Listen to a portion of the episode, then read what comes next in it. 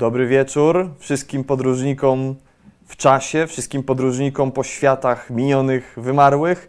Ja się nazywam Daniel Tyborowski, to jest kanał Wszechnica i to są środowe spotkania z dziejami Ziemi, a jakże? I dzisiaj temat, na który wielu z Was czekało od dawna, czyli ryby, które nosiły pancerze, czyli ryby pancerne, plakodermy. Przyznam się, że jedna z moich ulubionych grup wymarłych zwierząt i wiem, że jedna z Waszych ulubionych również, więc dzisiaj wszystko o plakodermach. Będzie grubo, już teraz zapowiadam.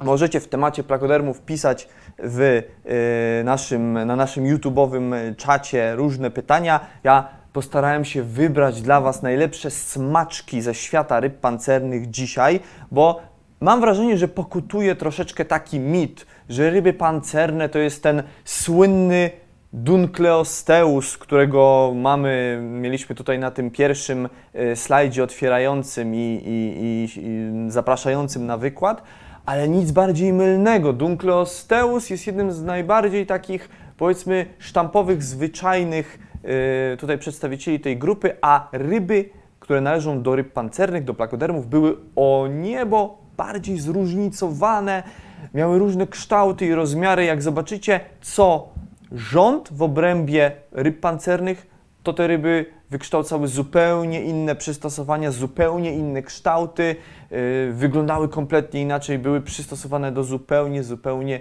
innych yy, rzeczy, do zupełnie innych warunków środowiska. I o tym wszystkim sobie dzisiaj opowiemy, moi drodzy. No to co? Jedziemy. Moi drodzy, ryby pancerne ta nazwa po polsku, yy, czyli plakodermy, to jest nazwa gromady ryb. To może wydać się dla Was troszeczkę dziwne, bo w takiej terminologii szkolnej yy, no za gromadę uznaje się ogólnie ryby. Każdy, kto się uczył elementów zoologii na lekcjach biologii w szkole, ten wie, że mamy gromady wśród kręgowców ryb, płazów, gadów, ptaków i ssaków. W paleontologii to troszeczkę wygląda inaczej. E, tutaj, e, szczególnie jeśli idzie o ryby, to paleontolodzy te gromady mm, występują jakby w obrębie, różne gromady ryb w obrębie dużej takiej jednostki, którą nazywamy rybami i plakodermy są właśnie gromadą ryb, czy gromadą kręgowców. Nazwa plakodermy, czyli plakodermi, oznacza dosłownie pancerną skórę. Plakos to jest y, płytka, pancerz, derma to jest skóra, czyli pancerna skóra, plakodermy. Y, I tak naprawdę y, w takich no, starszych opracowaniach gdzieś można się spotkać, że to jest jakaś grupa, powiedzmy taka prymitywna, mm, grupa takich prymitywnych kręgowców, prymitywnych szczękowców, bo to są jedne z najstarszych, czy w zasadzie najstarsze kręgowce znane z zapisu kopalnego, które posiadały szczęki. I na takim uproszczonym drzewie rodowym, które mamy na tej planszy, widzimy ryby kostno-szkieletowe, czy ogólnie powiedzmy kręgowce kostno-szkieletowe, tak powinienem powiedzieć, przedstawione jako tutaj łosoś i i, i taką śmieszną małpkę, e, czyli my też jesteśmy kostno-szkieletowymi. Obok mamy drugą dużą gałąź drzewa rodowego kręgowców, czyli chondrichties, chrzęsno-szkieletowe. Tutaj najpopularniejszymi chrzęsno-szkieletowymi są rekiny, ale również płaszczki, chimery należą do chrzęsno-szkieletowych. Pomiędzy mamy gdzieś tam akantody, a plakodermy mamy poniżej tego rozwidlenia się na chrzęsno i kostno-szkieletowe, czyli uznaje się je zazwyczaj za taką grupę dosyć pierwotną. My sobie dzisiaj troszkę o pochodzeniu i umiejscowieniu plakodermów na drzewie rodowym kręgowców powiemy, bo rzeczywiście mamy kilka no, sprzecznych tak naprawdę koncepcji co do tego, kim te plakodermy były, gdzie one na drzewie rodowym kręgowców się znajdują. E, więc do tego przejdziemy sobie za, za, za, za chwileczkę. Moi drodzy, ryby pancerne, plakodermi, tak jak powiedziałem, po polsku się czasem mówi tarczowce. No, nazwa oczywiście bierze się od takich, e, od tego, że no, miały posiadać jakiś pancerz, że ich ciało pokrywają jakieś tarcze, jakieś płyty pancerne, które je chronią prawdopodobnie przed drapieżnikami. Być może te płyty stanowiły również pewnego rodzaju rezerwuar soli mineralnych. O tym też sobie za chwilkę kilka słów. Już na samym początku chcę, abyście zapamiętali, że ryby pancerne to jest grupa niesłychanie zróżnicowana. Y, one mm, najmniejsze formy, y, takie jak tutaj pokazana mini krania, to były rybki o długości czaszki około 2 mm, a największe, takie jak Tytan Ichthys, no miały czaszki ponad metrowej długości, to były prawdziwe, prawdziwe olbrzymy. Więc zasięg gabarytów, jeśli idzie o plakodermy, jest bardzo, bardzo duży. Y, jak się mm, za chwilę y, okaże, to również jeśli idzie o tryb życia, przystosowania, tutaj również te spektrum zmienności będzie duże, ale plakodermy wtedy, kiedy żyły na Ziemi, a było to w Sylurze i w Dewonie, czyli koniec wczesnego i początek późnego paleozoiku, w środku powiedzmy ery paleozoicznej. Najstarsze pojawiły się na początku Syluru, ostatnie wymarły z końcem e, Devonu. Są takie koncepcje, że być może niektóre plakodermy dotrwały do początku okresu karbońskiego, bo niektóre czasem datuje się na na turnej, czyli pierwszą tę nazwijmy to sobie epokę karbonu, ale zapamiętajmy, że generalnie większość to jest Sylur i Devon. Szczególnie w Devonie osiągnęły największą różnorodność biologiczną, szczególnie w późnym Devonie. To wtedy, kiedy żyły, żyły w zasadzie wszędzie. Y, znaleziono je i y, w Arktyce, i w bardziej tropikalnych regionach świata. Y, znaleziono, słuchajcie, szczątki skamieniałości plakodermów głęboko, głęboko pod dnem Zatoki Perskiej na głębokości 3800 metrów jak również i w takich dosyć wysokich regionach, wysoko położonych regionach na kuli ziemskiej, na przykład nad jeziorem Titicaca w Ameryce Południowej. Także nie dość, że osiągały różne kształty i rozmiary, nie dość, że żyły i na północy, i na południu, i w okolicach równika, e, to ich skamieniałości znajdujemy i w rejonach położonych nisko, gdzieś głęboko zakopanych i takich wyniesionych wysoko, wysoko ku górze. Więc generalnie skamieniałości plakodermów znaleźć jest nietrudno. I teraz omówmy sobie kilka takich najważniejszych cech, mm, z którymi powinniśmy kojarzyć plakodermy. Jak za chwilę się okaże, nie wszystkie z tych cech, które tu wymienię, y, będą posiadały wszystkie plakodermy, ale generalnie mamy kilka takich cech, z którymi na pewno te kręgowce kojarzymy. Pierwsza, najbardziej emblematyczna cecha to jest oczywiście kultowy pancerz. Dlaczego pancerz tutaj pojawia się y, wzięty w cudzysłów? Ano dlatego, że jak się zaraz okaże, to nie jest taki pancerz prawdziwy, E, tak jak my to rozumiemy potocznie. E, ale najpierw e, szczegóły. Anatomia. Plakodermy generalnie były zwierzętami o śródszkielecie chrzęstnym, czyli ich żebra, kręgi, szkielet płetw był zbudowany z chrząstki. Zdarzały się elementy, które ulegały kostnieniu w obrębie śródszkieletu, na przykład kilka pierwszych kręgów w kręgosłupie było u niektórych plakodermów zrośnięte ze sobą i tworzyło taką e, no, litą, twardą, właśnie skostniałą strukturę zwaną synarquale. Do tego synarquale też sobie później wrócimy, bo niektóre dzisiaj żyjące ryby też podobną strukturę posiadają. Natomiast generalnie śródszkielet plakodermów był chrzęstny, e, co niektórym badaczom, jak się pewnie domyślacie, kazało sądzić, że były one blisko spokrewnione z rybami chrzęsno-szkieletowymi. Natomiast to, z czym my najbardziej kojarzymy plakodermy, to jest oczywiście ich egzoszkielet, czyli ten tak zwany pancerz. I tenże pancerz w cudzysłowie, ten egzoszkielet dzieli się u plakodermów na dwie części. Mamy pancerz głowowy, czyli to są kości budujące czaszkę, obudowujące mózgoczaszkę i szczęki y, oraz mm, pancerz tułowiowy, ten obudowujący przednią część tułowia, właśnie kręgosłup, y, ten odcinek powiedzmy szyjny y, i piersiowy oraz tworzący taki mm, swego rodzaju egzoszkieletowy pierścień wokół pasa barkowego, czyli tego, co my mamy powiedzmy tutaj, gdzie, gdzie są nasze, nasze e, barki, obojczyki, łopatki. E, I tutaj ładnie to na przykładzie mm, takiego właśnie pancerza, e, tego Dunkleosteusa widać.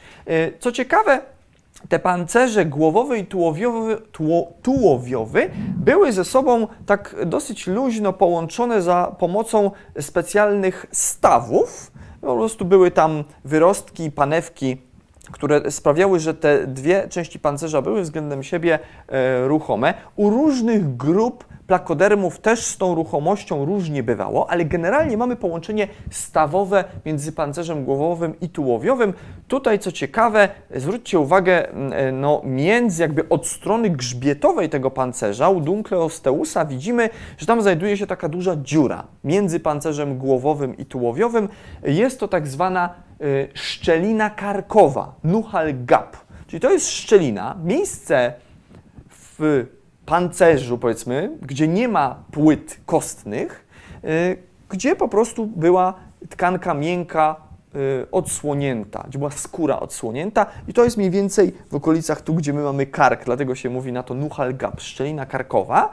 Mm, I to było prawdopodobnie takie miejsce, gdzie, no, które było taką, taką piętą achillesową dla Y, potencjalnego y, plakoderma, że tam jakiś inny drapieżnik, być może inny plakoderm albo jeszcze kto inny, mógł zaatakować czy takiego Dunkleosteusa, czy jakąkolwiek inną rybę pancerną, to jak celował właśnie w tę szczelinę karkową, no to tam mu było się łatwiej oczywiście wgryźć w ofiarę, no bo jakby trafił na pancerz głowowy albo tułowiowy, no to oczywiście na pewno miałby z tym większy problem. Y, I tu już na początku zaznaczam, że Obecność pancerza podzielonego na część głowową i tułowiową nie musi być regułą. To znaczy, u pierwotnych plakodermów ten pancerz był zrośnięty. To znaczy, czyli on pierwotnie był jedną taką litą strukturą, a potem się podzielił na część głowową i tułowiową. Czyli jak sobie później zobaczymy przy omawianiu, przy omawianiu konkretnych rzędów yy, plakodermii, to tam te najpierwotniejsze formy nie będą miały tego podziału na głowo, głowowy i tułowiowy pancerz, ale generalnie u przeważającej większości ryb pancernych taki podział występuje. Więc mamy pancerz głowowy i tułowiowy, połączenie między nimi jest stawowe. E, no i tutaj jeszcze formalność. To połączenie zawsze występuje e, między tymi samymi tarczami, to znaczy na pancerzu e, głowowym to są tarcze przykarkowe, paranuchale, a na pancerzu tułowiowym tarcze grzbietowo-boczne, czyli antero-dorso-laterale. Tych nazw oczywiście pamiętać nie musicie. Ale tu napotykamy pewien problem, a tak naprawdę nawet dwa problemy z tym tak zwanym pancerzem u ryb pancernych. Otóż, po pierwsze, e, ten pancerz to nie jest w rzeczywistości taki prawdziwy pancerz w potocznym tego słowa rozumieniu. To nie jest pancerz jak u żółwia. To nie jest pancerz jak u, e, jak u kogo tam, E, u, u, e, e, jak, jak, jak, jak ma jakiś czołg, dajmy na to. To nie jest taka zewnętrzna część ciała, która już niczym nie jest osłonięta. Ten pancerz u plakodermów był zbudowany z normalnej kości, z tkanki kostnej i tutaj muszę zrobić taki mały segway, mały taki trend odnośnie histologii kręgowców. Otóż generalnie wyróżniamy tak najbardziej ogólnie, ogólnie, jakbyście zajrzeli do podręcznika histologii yy, kręgowców, to tam będzie podział kości na dwie grupy. Będą kości zastępcze i będą kości skórne. Kości zastępcze to jest większość kości, które my posiadamy w naszym ciele.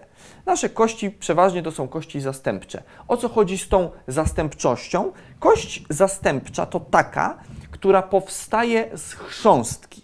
Pierwotnie jest jakaś chrzęstna struktura i ona ulega osyfikacji, ulega, ulega e, no, stwardnieniu, zmineralizowaniu. Staje się tkanką kostną. Czyli kość powstaje na miejsce chrząstki. E, natomiast kości skórne to są kości, które po prostu powstają nie z chrząstki, tylko tworzą się w głębokich warstwach skóry. W naszym ciele doskonałym przykładem kości skórnych właśnie są obojczyki, oraz e, kości, które tutaj na szczycie czaszki budują ciemiączko u dzieci. E, więc one powstają, nie, nie, nie zastępują chrząstki, tylko powstają po prostu w skórze. I tak się składa, że pancerz plakodermów, kończąc już ten, e, ten mały, mały skrót histologii kręgowców, e, pancerz plakodermów był zbudowany z kości, ten egzoszkielet był zbudowany z kości skórnych właśnie. A co za tym idzie, no to jest po prostu kość. Ta kość była pokryta od zewnątrz normalną tkanką miękką. Także to nie jest tak, że to była całkowicie zewnętrzna część, to się tak nazywa egzoszkielet, ale w osteologii czy w histologii, no egzoszkielet ma troszkę inne znaczenie niż wiecie, egzoszkielet w Mass Effectie, czy w jakichś innych, nie wiem, filmach czy grach. Yy, egzoszkielet to jest szkielet, który w przypadku kręgowców jest pokryty miękką tkanką. E, więc to nie jest do końca tak, że te zwierzęta od zewnątrz były całkowicie bezpieczne dzięki temu pancerzowi. Tam też były części miękkie, które mogły ulec no, zranieniu, które, które drapieżnik mógł po prostu zaatakować. Na pewno to, co było pod tym pancerzem, ten śródszkielet, który był pod nim, no, był bardziej bezpieczny, ale zwróćcie uwagę, że no, większość plakoderma, takiego, jak mamy tu pokazanego na obrazku, no nie jest przykryta tym pancerzem, bo większość tułowia i ogon i płetwy, też nie u wszystkich, ale u większości plakodermów, to są części ciała nieprzykryte pancerzem. Jak dokładnie wyglądała ta reszta ciała, czym była pokryta? Łuski plakodermów znajduje się stosunkowo rzadko. Wiemy, że przynajmniej niektóre grupy, jak za chwilę zobaczycie, miały miały, miały łuseczki na ogonie czy na mm, tylnej części tułowia, e, ale to tylko niektóre. Reszta do końca nie wiadomo, czym były pokryte. Drugi problem z tym pancerzem, ze szkieletem plakodermów i chyba ważniejszy nawet z punktu widzenia paleontologa, to taki, że e, jak to się fachowo mówi, szkielet plakodermów, ten egzoszkielet był niehomologiczny ze szkieletem innych szczękowców, innych powiedzmy no, kręgowców, innych ryb i innych kręgowców żyjących na lądzie. Yy, uważni z Was, ci z Was, którzy mają dobrą pamięć, pamiętają yy, wykład o wyjściu kręgowców na ląd. Ja tam mówiłem, pokazywałem yy, budowę, jak się zmieniała budowa dachu czaszki u, na linii w, w trakcie tej słynnej transformacji ewolucyjnej między rybami a wczesnymi czworonogami. I tam pokazywałem Wam mniej więcej coś takiego, co tutaj mamy po stronie prawej. Mamy takiego słynnego y, Panderichtisa, czyli taką jeszcze rybę y, no, przedstawiciela tetrapodomorfów. I mamy jego czaszkę widoczną od strony grzbietowej i tu widzimy, że mamy poszczególne kości zaznaczone kolorkami. I tam ci z Was, którzy mają dobrą pamięć, to pamiętają, że u tych ryb kostnoszkieletowych, jak i u wszystkich innych e, dziś żyjących ryb, płazów, gadów, ptaków, ssaków, z pewnymi tam wyjątkami, ale generalnie plan budowy czaszki jest taki sam. To znaczy mamy te same kości. I u mnie, i u tego Panderichtis, i u dzisiejszego karpia, i u na przykład wrony, która sobie skacze dzisiaj gdzieś w parku, możemy wyróżnić te same kości budujące dach czaszki, czyli są to kości nosowe, e, kości czołowe, ciemieniowe i zaciemieniowe. To są te kości parzyste budujące dach czaszki. E, jak i cała masa innych. Żuchwę budują kości zębowe, górną szczękę budują e, kości szczękowe i tak dalej, i tak dalej. Każda kość ma swoją nazwę i takie kości można wyróżnić, tak jak mówię, i u nas, u ssaków, u ryb, u dinozaurów, u, u różnych innych wymarłych kręgowców. Plakodermy się tej reguły kompletnie nichuchu nie trzymają. U nich te kości budujące pancerz mają zupełnie inne nazewnictwo i to są zupełnie inne struktury. To nie są te same kości, które występują u innych ryb są zupełnie inne kości, tak jakby się wykształciły zupełnie gdzieś tam równolegle. E, nie możemy tam wydzielić kości nosowych, czołowych, ciemieniowych, zębowych, szczękowych. E, mamy na przykład te wspomniane wcześniej t- tarcze, bo na te kości u plakodermów mówi się, że to są tarcze. Na przykład tarcza centrale. To jest taka pojedyncza tarcza, która buduje tutaj dach czaszki, czyli tą centralną część pancerza głowowego. Za tarczą centrale w pancerzu głowowym znajduje się e, kultowa dla wszystkich plakodermistów tarcza nuchale, czyli tarcza karkowa. Pamiętacie, z początku wykładu była szczelina e, karkowa nuchal gap. To tuż przed tą szczeliną karkową jest właśnie e, tarcza karkowa nuchale. Nuchale to jest bardzo ważna mm, e, tarcza, e, jak za chwilę zobaczymy, bo ona naj, u, ulegała największym zmianom morfologicznym w ewolucji plakodermów i w zasadzie stanowi ona swego rodzaju element diagnostyczny. Nawet jak się znajdzie pojedynczą tarczę nuchale, to jesteśmy często w stanie powiedzieć, co to był za plakoderm. Więc e, plakodermiści e, lubią znajdywać tarczę nuchale, bo ona jest po prostu ważna. Kontakt tarczy nuchale z sąsiadującymi tarczami również. Jak zobaczycie, ona pierwotnie ma taki powiedzmy trapezoidalny kształt, mm, wygląda jak trapez, ale w trakcie ewolucji w różnych grupach plakodermów przyjmowała różne fikuśne kształty, więc do tego sobie zaraz wrócimy. Natomiast w pancerzu tułowiowym no nie mamy też takich kości, które by były u innych kręgowców, tylko mamy na przykład tarczę e, mediano-dorsale, środkowo-grzbietową. Mamy tarczę mediano-ventrale, środkowo-brzuszną. Mamy te tarcze, pamiętacie, na których był, e, które tworzyły element tego stawu między y, głowowym a tułowiowym pancerzem, czyli e, tarcze anterodorsolaterale, szpanuje teraz czaderskimi nazwami, y, które łączyły się z kolei z, y, na pancerzu głowowym z tarczami y, paranuchale, przykarkowymi i tak dalej, i tak dalej. Generalnie są to struktury niehomologiczne. Takich kości nie mają inne grupy kręgowców, y, co też będzie miało swoje poważne reperkusje za momencik.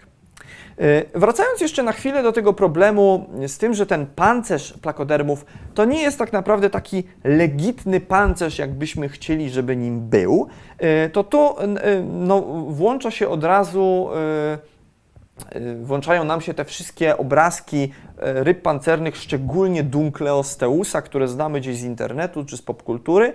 E, Często widujemy taki obrazek, jak po prawej stronie, jak tu jeden Dunkleosteus drugiego atakuje. No i co tu widzimy? Mamy on wygląda tak, jakby rzeczywiście ten pancerz całkowicie od zewnątrz pokrywał części miękkie, a to tak jak powiedziałem, to tak nie wyglądało.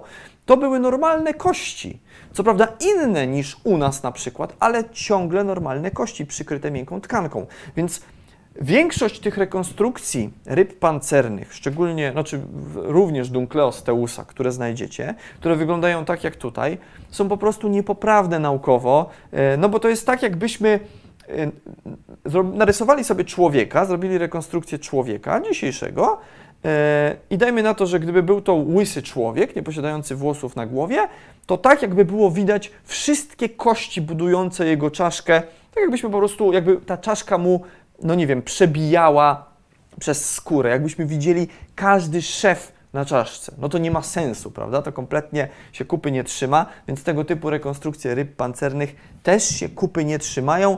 E, no więc ja wy, wybrałem dla Was tutaj dzisiaj kilka takich bardziej poprawnych rekonstrukcji. Raczej coś takiego, słuchajcie.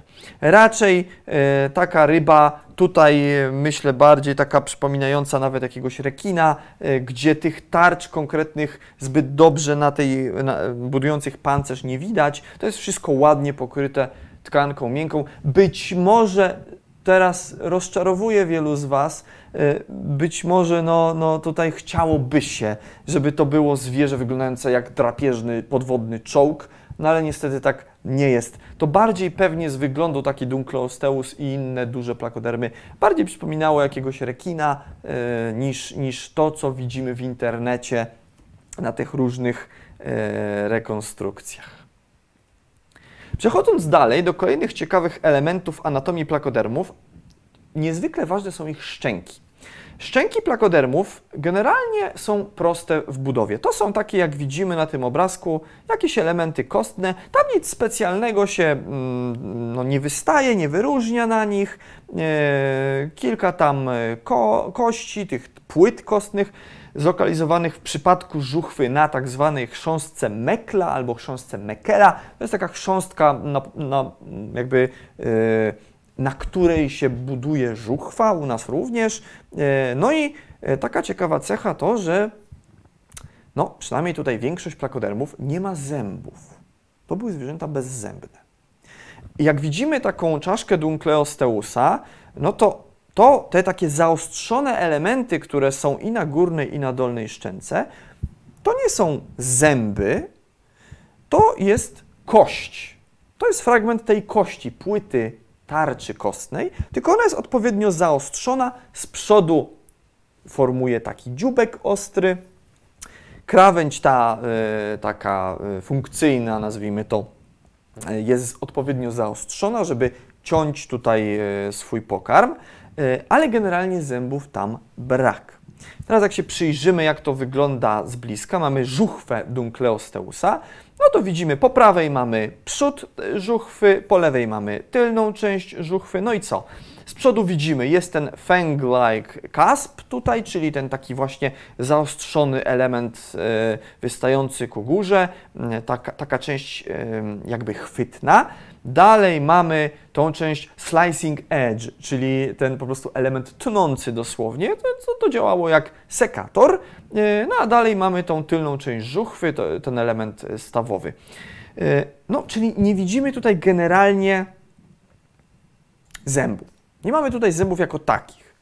I tak się głównie przyjmuje, że plakodermy zębów nie mają, co ma być jednym z głównych wyróżników e, tego, że to były jak, to jest ta taka właśnie najpierwotniejsza, najwcześniej wydzielona grupa ryb, najwcześniej wydzielona grupa szczękowców.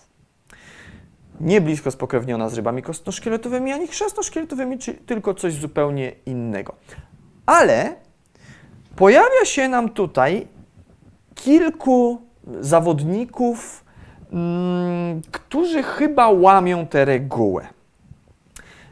Pierwszym tutaj y, łami strajkiem jest mm, taki jegomość znany z kultowej swoją drogą wśród badaczy ryb pancernych y, Y, późnodewońskiej, frańskiej dokładnie, formacji geologicznej Gogo położonej w Kimberley w Australii, a mianowicie Compago piscis, taki plakoderm, tam ta formacja Gogo, jedno z tak zwanych złóż skamieniałości, Fossil Lagerstätte, to był ekosystem rafowy, to była dewońska rafa i tam jest masa świetnie zachowanych, kompletnych kręgowców. Plakodermów tam jest co niemiara. Kiedyś być może sobie opowiemy o tym ciekawym stanowisku. E, I tam z racji, że to była rafa, to dominowały takie drapieżniki rafowe polujące na różne twarde, oskorupione bezkręgowce. E, dominowały takie formy e, właśnie przypominające tego tutaj Compago piscis, I on, jak się okazało na jego żuchwie, z przodu, w tym miejscu, gdzie Dunkleosteus miał ten slicing edge, ten, ten zaostrzony element, są takie jakby ząbki. Tutaj widzimy po prawej stronie to, co jest jedynką podpisane, to jest taka żuchwa od strony wewnętrznej, jakbyśmy od środka paszczy patrzyli. E, oczywiście z boku patrzymy na powiedzmy tutaj e, lewą gałąź żuchwy, tylko patrząc od środka. Natomiast Dwójeczka to jest od zewnątrz, patrząc e, na prawą tym razem, czyli widzimy na górze od wewnątrz patrzymy na żuchwę, a od, e, na dole od zewnątrz. No i mamy takie zaostrzone, dziwne elementy. Niektórzy badacze twierdzą, że to są zęby i nawet wyróżniają tam e, elementy, takie jak jama miękiszowa. To ci z Was, którzy się nigdy specjalnie, powiedzmy, stomatologią nie interesowali, no to zęby, żeby coś było zębem, musi mieć kilka takich specyficznych typów histologicznych w sobie, kilka odpowiednich tkanek, kilka odpowiednich diagnostycznych dla zębów struktur. Więc co musi mieć? Po pierwsze, musi być zębina, gruba warstwa takiej tkanki, głównie budującej nam ząb, a od zewnątrz ta zębina musi być jeszcze pokryta jakąś cienką, ale za to niezwykle wytrzymałą tkanką, na przykład szkliwem, czyli to, o czym słyszymy, kiedy oglądamy reklamy pasty do zębów, szkliwem albo może jakąś inną substancją szkliwopodobną, jakimś enameloidem. E, no i w środku zęba jest oczywiście jama miękiszowa. Generalnie taki ząb stanowi swego rodzaju wyindywidualizowany element anatomiczny w obrębie szczęki. I niektórzy u tego Compago piscis doszukują się tego, że te ząbki to są takie prawdziwe, legitne zęby, że one tam są wyindywidualizowane, że tam wszystko jest, że jest na przykład ta zębina, zębina inaczej zwana dentyną. Y, są też badacze, którzy twierdzą, że to nie są żadne zęby, ta, ta zębina y, to jest tak naprawdę tak, tak, tak zwana semidentyna, o której sobie za chwilę mm, y, powiemy. E, więc generalnie nie taka prawdziwa zębina, jaka buduje zęby, tylko raczej taka, która buduje inne elementy, również u plakodermów. E, więc tutaj ten Compago piscis tak nie do końca wiadomo, czy, czy on łamie tę regułę braku uzębienia, czy nie. Ale jest drugi y, kandydat. Y, tutaj y, jest to tym razem środkowo-dewoński plakoderm z Maroka, z antyatlasu, Leptodontichtis. I tutaj mamy tym razem nie żuchwę, ale górną szczękę tego plakoderma. I ona ma też takie hakowate ząbki. Jak zbadano je tomografią komputerową, no to tam się tutaj już, jak widzicie po prawej stronie, badacze doszukują, że chyba rzeczywiście takie prawdziwe zęby, że to wygląda jakby tam była ta jama miękiszowa, e, jakby tam były, była taka prawdziwa legitna zębina. E, to jest myślę jeszcze sprawa dosyć taka e, przyszłościowa, temat zębów u plakodermów. Są też, słuchajcie, takie plakodermy, które miały coś, co wygląda jak prawdziwe zęby, ale jak się je przekroi, taką szczękę z zębem, to się okazuje, że to jest tylko element kości. To jest kość, fragment szczęki, na której powstał taki hakowaty twór, a w środku nie ma zębiny, nie ma szkliwa, nie ma jamy miękiszowej, nie ma tych wszystkich elementów, które prawdziwe zęby posiadać yy, powinny. Także niektóre plakodermy być może miały prawdziwe zęby, inne nie. Yy, do tego problemu sobie za chwilę, za chwilę powrócimy. Tutaj Wam to tylko zaznaczam, że generalnie one uzębienia nie mają. Czy pierwotnie? To, to, to też za chwilę wrócimy. Generalnie później u niektórych takie zębopodobne struktury y, się wykształcały. Y, wspomniałem o tej semidentynie, która miałaby budować zęby u tamtego jegomościa z Gogo w Australii. Y, semidentyna jest takim specyficznym typem tkanki, podobnej nieco do naszej zębiny, ale nieco inaczej wykształconej. Semidentyna jest tkanką, która u samych ryb pancernych jest dosyć powszechna. U większości plakodermów, jak gdzieś znajdziecie, pójdziecie do muzeum, znajdziecie yy, gdzieś w, yy, w jakimś stanowisku, jak znajdziecie fragment tarczy, płyty kostnej plakoderma, to ta tarcza będzie pokryta takimi guskami najprawdopodobniej, albo jakimiś wałeczkami, innymi strukturami, przeważnie guskami jednak myślę. Te guski, te wałeczki będą zbudowane właśnie z semidentyny. Czyli generalnie większość plakodermów semidentynę ma, poza jedną wydaje się, że najpierwotniejszą grupą, najpierwotniejszą ewolucyjnie grupą e, plakodermów, ale generalnie większość tę semidentynę na pancerzu posiada.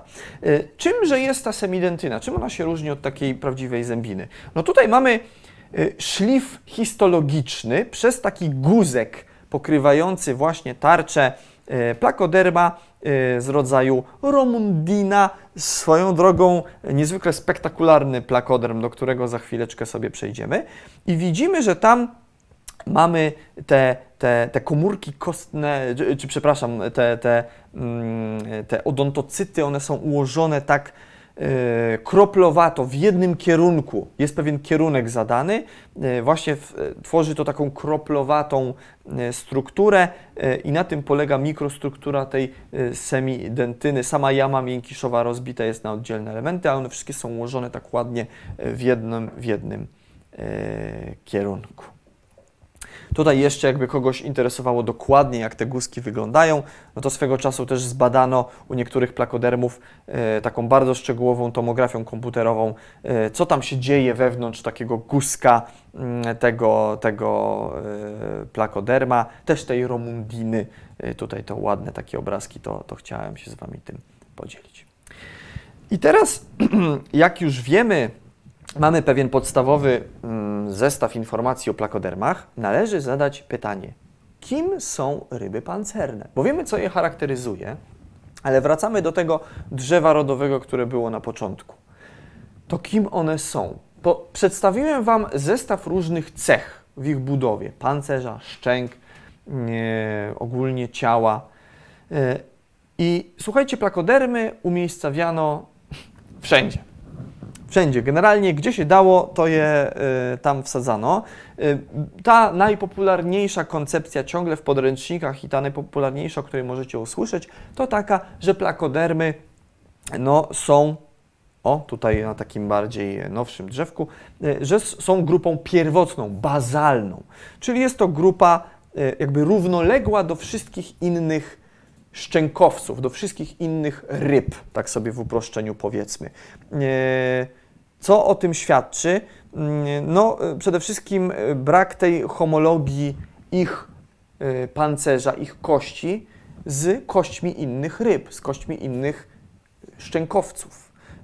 Tak jak Wam wspomniałem, tam nie można wydzielić tych kości, które u karpia czy u, u, u dorsza, czy jakiegokolwiek innego, nie wiem, kręgowca lądowego. No więc to musiało być coś zupełnie, zupełnie innego. I to jest ta najpopularniejsza koncepcja ewolucyjna odnośnie plakodermów, ale są też dwie inne.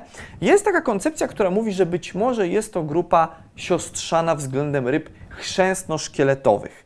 Ryby chrzęstno-szkieletowe to jest, przypominam, rekiny, płaszczki, chimery z dziś żyjących w przeszłości geologicznej to tam jeszcze były petalodonty, edestydy, jakieś tam harpagofututory inne tego typu dziwne stwory, o nich kiedy indziej. Dzisiaj to są rekiny, płaszczki i yy, chimery. Yy, co ma świadczyć o pokrewieństwie plakodermów z chrzęsno-szkieletowymi? No, chrzęsny śródszkielet. My wiemy, że on był chrzęsny, bo są takie stanowiska, słuchajcie, na świecie. E, niedaleko nas, na przykład w Niemczech, jest takie stanowisko, z którego skamieniałości Wam za chwilę e, pokażę. Nazywa się Hunsrück środkowo-dewońskie, gdzie były czarne, takie anoksyczne E, skały, w których znajdują się kompletne plakodermy, nie tylko ten egzoszkielet, ale również części miękkie i również śródszkielet. My na podstawie tego wiemy głównie, że ten właśnie śródszkielet był chrzęsny, jak u na przykład rekina. On nawet anatomicznie troszeczkę e, śródszkielet faktycznie rekinów przypomina, rekinów, chimer, gdzieś tam to oscyluje w tych okolicach. I to jest potężny argument. Natomiast trzecia koncepcja mówi o tym, że ryby pancerne to jest grupa siostrzana kostno-szkieletowych.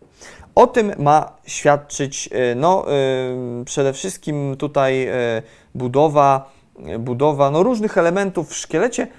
Niedawno tutaj tę ostatnią koncepcję wsparły nowe znaleziska których mamy takie plakodermy posiadające szczęki zbudowane niemal identycznie jak pierwotne ryby kostoszkieletowe. O tym za moment.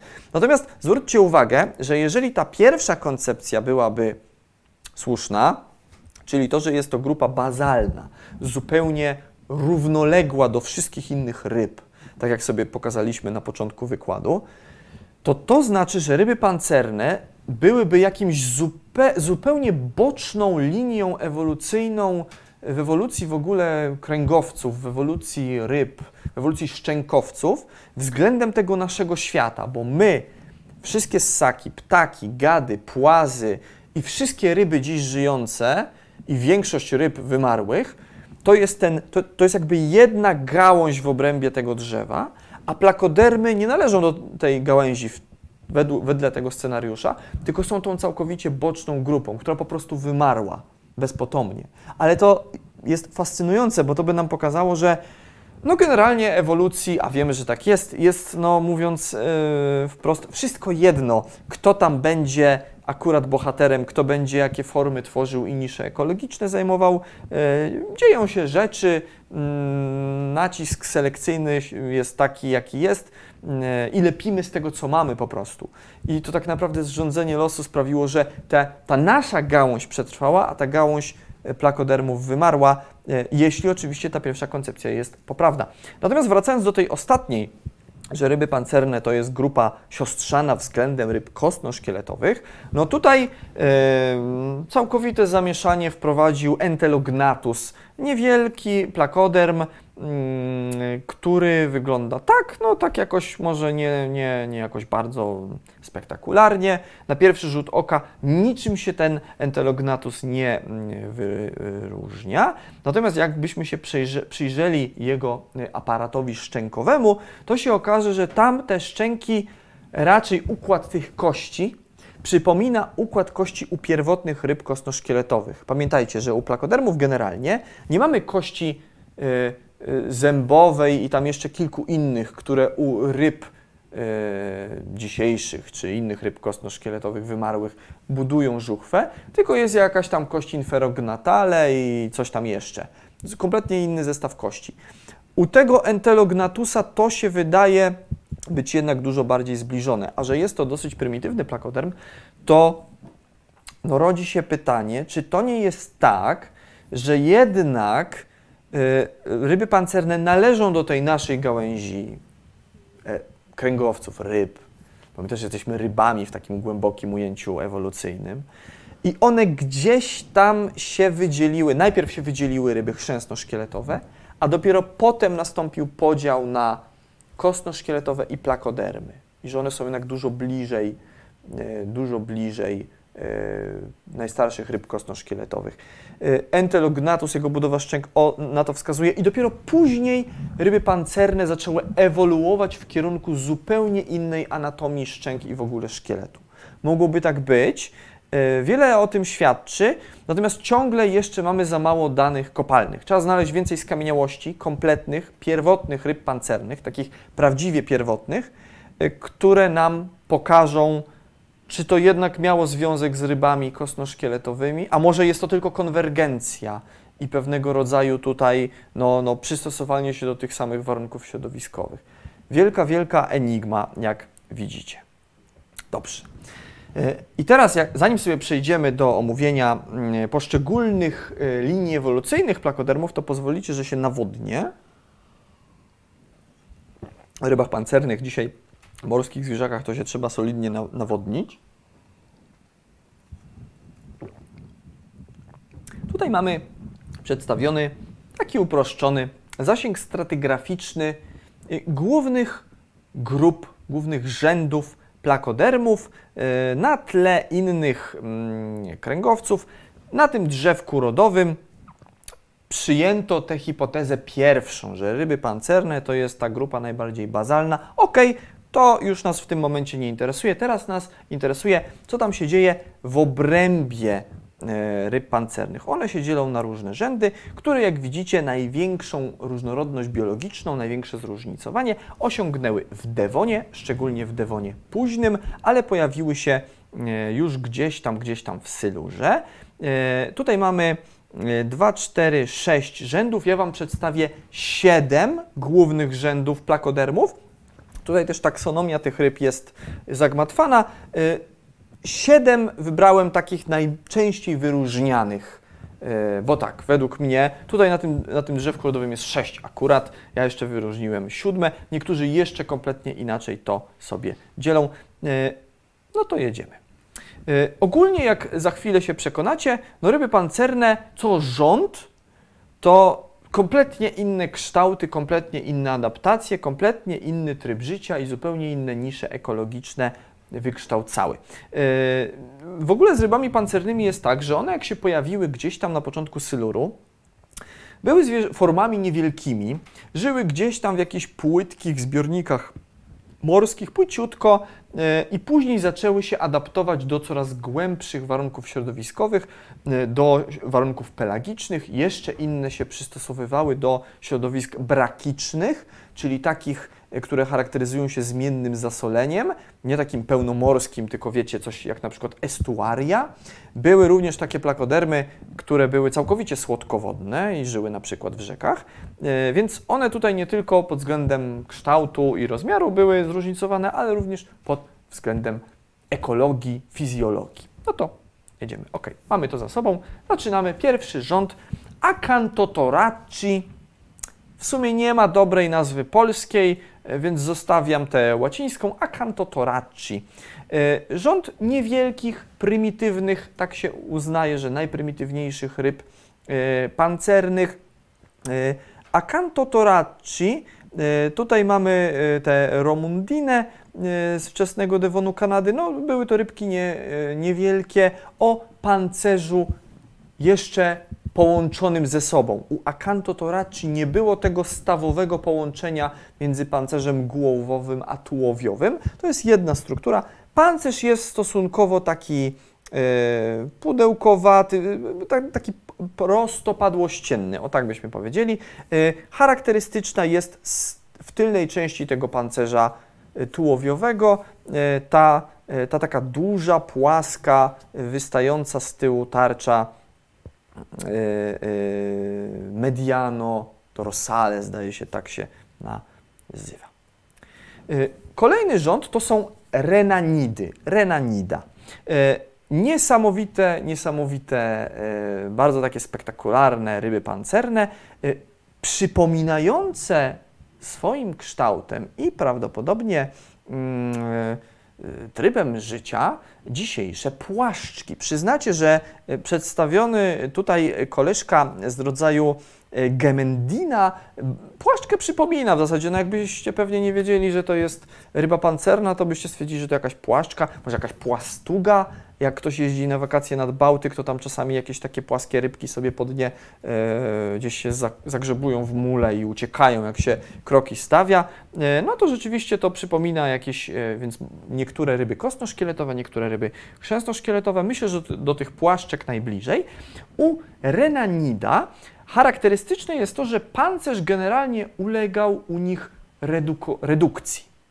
To zobaczycie, że w niektórych grupach ten pancerz bardziej się rozrastał, stawał coraz bardziej taki rozbudowany, a u innych redukował się. U renanidów właśnie dochodziło do redukcji i tutaj w zasadzie ten pancerz to jest kilka takich rozproszonych w okolicach głowy y, izolowanych od siebie tarcz, one nie zawsze są ze sobą y, tak dokładnie, nie zawsze się ze sobą y, spotykają. Na, w centralnej części tutaj głowy, powiedzmy, tej mm, gemendiny, jest tarcza Nuchale. Powiedziałem Wam wcześniej, że tarcza Nuchale, tarcza karkowa jest bardzo ważna, bo po jej kształcie możemy nierzadko rozpoznać, co to był za plakoderm. Tutaj tak jest, ona mm, ma taki kształt, jest taka wyciągnięta e, w stronę, w stronę głowy, w stronę ogona, w kierunku tym ogonowym się tak poszerza, w kierunku głowowym się e, troszkę, troszkę bardziej staje się wąska, więc ma kształt takiej e, takiej, takiej e, asymetrycznej litery X, tak byśmy sobie chyba powiedzieli, ale to, co jest najistotniejsze u renanidów, to są rozbudowane płetwy, zarówno piersiowe, jak i brzuszne, płetwy oczywiście parzyste, e, duże takie płatowate struktury, więc prawdopodobnie renanidy to były plakodermy zajmujące nisze ekologiczne, które dzisiaj zajmują płaszczki, być może niektóre ryby kostno-szkieletowe, jak taka płastuga, gdzieś tam sobie pływały, prawdopodobnie przy dnie prawdopodobnie mogło się tymi płetwami, wiecie, tak e, osadem przy, przykrywać. Gdzieś tam sobie siedziały, żywiły się pewnie jakimiś opancerzonymi bezkręgowcami bentosowymi, które sobie dno takiego dewońskiego zbiornika mm, zasiedlały.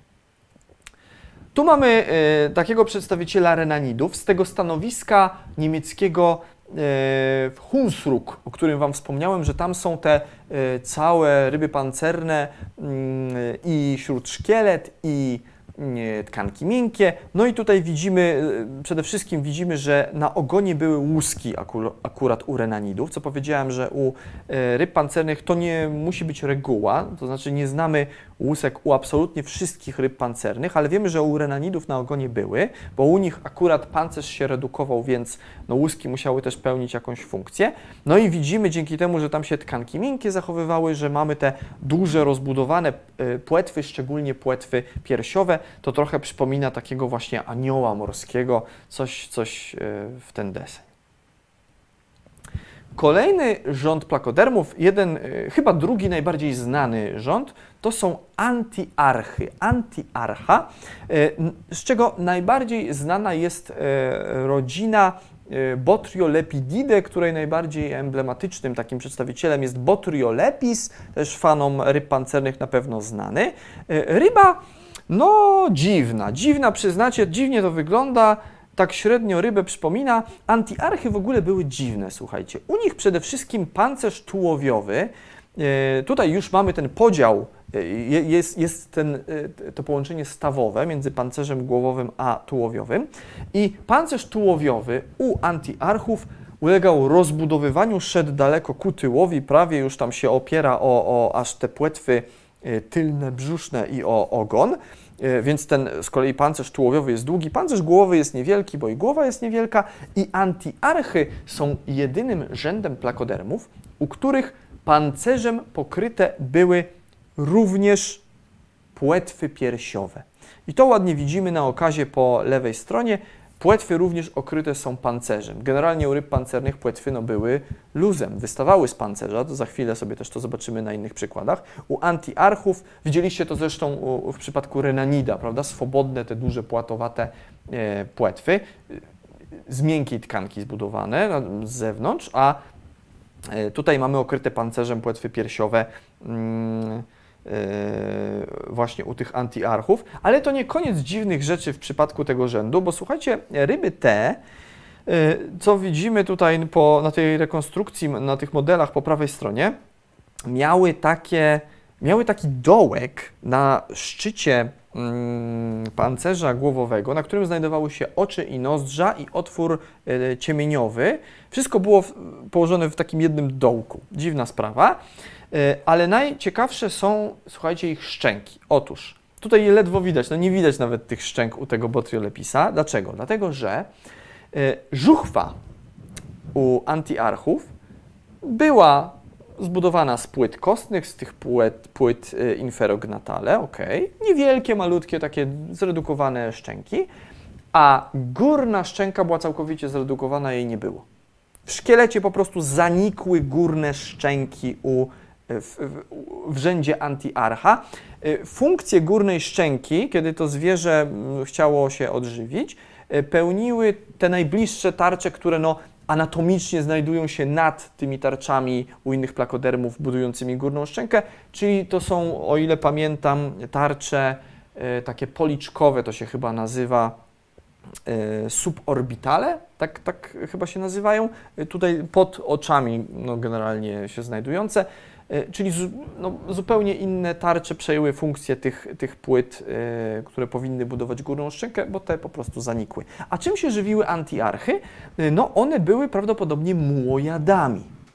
Yy, skąd my to wiemy? No stąd, że mm, często w miejscach, gdzie powinien być żołądek takiego antiarcha, znajduje się osad, jakiś muł, osad inny niż ten, który otacza te skamieniałości. Czyli wiemy, że to były zwierzęta, które jadły osad. One żywiły się nim, mułojady po prostu. E, być może te opancerzone płetwy piersiowe służyły im do czegoś w rodzaju, nie wiem, rozkopywania też osadu, rozkopywania dna morskiego. Tak by sobie to należało wyobrażać. Enigmatyczne, dziwne zwierzęta i zredukowane szczęki i ten jeden, jeden taki y, położone centralnie w jednym miejscu oczy, nozdrza, otwór ciemieniowy, obudowane płetwy, mułojady. Dziwna sprawa. Kolejny y, rząd to są petalichtydy. Petalichtida. Po lewej stronie mamy znowu przedstawiciela tego rzędu, znowu z tego niemieckiego stanowiska e, Hunsrück, e, gdzie te kompletne szkielety się zachowały. E, u petalichtidów pancerz generalnie mm, był, był taki bardzo, bardzo skrócony. Ogon z kolei był wydłużony, nie okryty pancerzem. mamy te tarcze mm, anterolaterale po bokach, z których wystawały takie kolce i najbardziej emblematyczna cecha petalichtydów to są właśnie te takie kolce wystające na boki z pancerza i to, co po prawej stronie u tego rodzaju lunaspis widać, mamy zaznaczony kolorem takim no e, mm, fil, takie, takie, takie fioletowy chyba. E, jest ta tarcza Nuchale, która jest taka mocno, mocno rozciągnięta. Też bym powiedział, że może jak u tych renanidów e, taki, mm, taki, ta, ta, taki kształt wyciągniętej litery X, może coś takiego. Wydłużona, mocno wydłużona ta tarcza. I ona E, I po tym generalnie takiego petalichtida najłatwiej, najłatwiej e, rozpoznać. Kolejna, o, jedna z takich też spektakularnych grup, spektakularnych rzędów, mm, to są filolepidy, filolepida, dosyć takie homogeniczne plakodermy. Tu mamy dwóch przedstawicieli, Philolepis i Austrofilolepis. Te zwierzęta z kolei szły nie tak jak renanidy w redukcji pancerza, ale w rozbudowywanie tego pancerza i zarówno pancerz głowowy, jak i tułowiowy były mocne. Filolepidy szły szczególnie w jakby w powiedzmy w takie, nie, nie, szły na ilość, ale na jakość. Im zależało na tym, żeby głównie te, żeby ten pancerz był zbudowany z jak najmniejszej liczby tych tarcz. Więc zwróćcie uwagę, że cała tarcza głowowa E, czy, czy ten cały pancerz głowowy od grzbietowej strony, to jest ta tarcza centrale. Jedna tarcza, która jest na środku czaszki. Nie ma tych dodatkowych, mm, dodatkowych elementów. Pancerz tułowiowy też to jest tylko kilka takich tarcz. Więc one szły na redukcję tych tarcz, ale jakby kosztem zwiększania ich rozmiaru, czyli czy raczej na, na zwiększanie rozmiarów tych tarcz kosztem ilości mm, tychże. No bo jak któreś tarcze się rozrastały, no to inne musiały no, ulec tamtym, czyli się poredukować. No i tak u tych filolepidów to były zwierzęta grzbietobrzusznie spłaszczone, prawdopodobnie też gdzieś żyjące e, przy dnie. E, no, miały takie długie ogony, ale generalnie ten pancerz taki płaski, trochę jak naleśnik, bardzo, bardzo mocno, tak szczelnie zabezpieczone mm, zwierzaki. Jeden teraz z najbardziej takich no, ważnych z naukowego punktu widzenia rzędów, czyli ptyktodonty, ptyktodontida, nie mylić z pyknodontami. Pyknodonty to były takie wymarłe ryby kostno-szkieletowe, a tu mamy ptyktodonty. E, ptyktodonty e, na pierwszy rzut oka takich zwykłych ryb pancernych nie przypominają. Bardziej przypomina to jakąś chimerę. E, i dlatego właśnie to podobieństwo dawnym badaczom zasugerowało to, że być może chimery, które są rybami chrzęsno-szkieletowymi, wywodzą się właśnie z plakodermów. E, podobieństwo jest zresztą uderzające. Wydłużony ogon, taki biczowaty jaszczurzy, jak u chimer dzisiejszych, płetwy u ptyktodontów służyły jako takie, taki element hydrostatyczny, one, one tak latały pod wodą, dokładnie tak jak chimery. Głowy takie zredukowane, w ogóle pancerz silnie zredukowany u ptyktodontów, to jest w zasadzie kilka takich izolowanych, małych, poredukowanych płytek pancerza umieszczonych gdzieś tam luźno w tych tkankach. Yy, skrócona trzewioczaszka i aparat gębowy służący do durofagii, czyli do odżywiania się e, twardą, oskorupioną zdobyczą, dokładnie tak jak u chimer. U chimer są takie duże, płaskie zęby e, do miażdżenia e, twardych ofiar. Tutaj być może występowało coś, coś podobnego. Zresztą wiemy, że u ptyktodontów to jest jedyny rząd plakodermów, u którego występował dymorfizm płciowy. Samiec wyglądał zupełnie inaczej niż samica. Ten dymorfizm mm, no, mm, był taki najbardziej zauważalny w obrębie płetw powiedzmy w obrębie narządów rozrodczych. U ryb chrzęsto-szkieletowych, u rekinów na przykład występują u samców takie dodatkowe elementy służące do kopulacji, to się nazywa klaspers, czasami się na to po polsku mówi klaspry, nie wiem, czy to jest taka mm, poprawna nazwa, chyba nie ma innej takiej dobrej polskiej, klaspers. To jest taki element, który służy samcowi rekina do tego, żeby capnąć samicę, żeby się jej przytrzymać i pomóc wprowadzić, e, wprowadzić e, no, no, plemniki do wnętrza, e, bo u rekinów mamy takie no, zapłodnienie, zapłodnienie właśnie wewnętrzne, a generalnie u ryb raczej dominuje zewnętrzne, czyli samica składa sobie jaja, a samiec spryskuje to mleczem. U chrzęstoszkieletowych, u rekinów wiemy, że jest to zapłodnienie wewnętrzne właśnie i potem taka samica zapłodniona składa sobie kapsułę jajową.